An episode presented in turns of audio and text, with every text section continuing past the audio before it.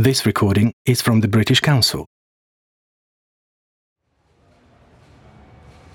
Hello, Maria. Thanks for coming in for the interview. It's my pleasure. Thanks for inviting me. Well, as you know, the company has been expanding and we have an opening in our HR department.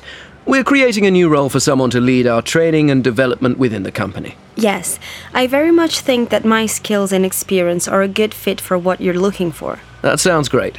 Uh, so, your CV looks strong, though it would be good if you could give us an overview, in your own words, of what you've been doing over the past four years or so. Well, in my first job four years ago, I was working for a small HR services provider which offered HR services including L&D to corporate clients. Okay, so it was only B2B. Yes, we only offered services to other companies, not B2C. Right. And it says here you then left that company about three years ago. Yes, that's right. I was looking for a little more stability and also to be part of a larger organization. So I joined a company with around 100 staff and a small HR team. As there are only a few of us, we each deal with a range of HR topics. In addition to payroll, one of the areas I was responsible for was learning and development. I see. And so why do you want to change jobs now?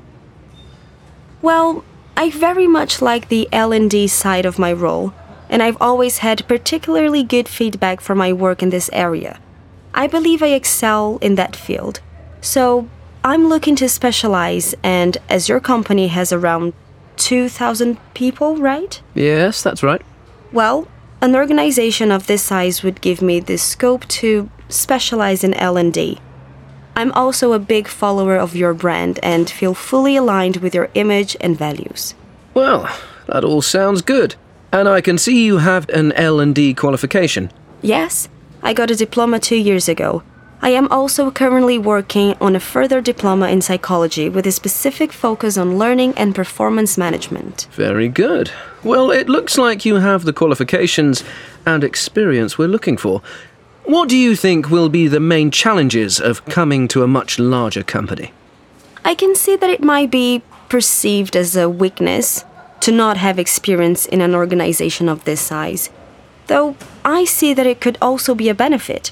I won't be bringing too many preconceived and possibly inflexible ideas with me to the world. Yes, that would be a good thing. Also, I'm used to taking a very personal approach to employee development. I realize that such an approach with 2,000 staff members will have to happen in a different way, but I bring many ideas with me that can be replicated on a larger scale. I see what you mean.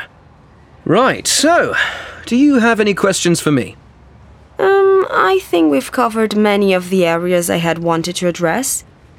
I have two quick questions though. Go on. Who would I mostly work with on a daily basis? Well, there's the HR manager, who you would report to, and then the HR team, which currently has six people in it. There's usually an intern or two who you can get some support from also. Okay, thanks. That's all really clear.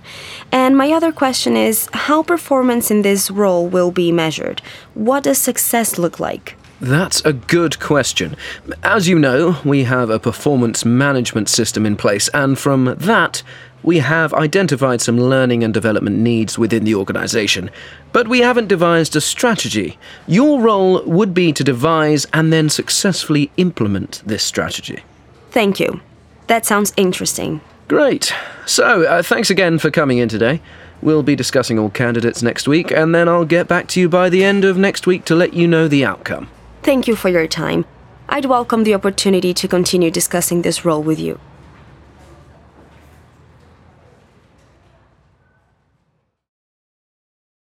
This recording is from the British Council. To find more activities to practice your English, visit www.britishcouncil.org forward slash learn English.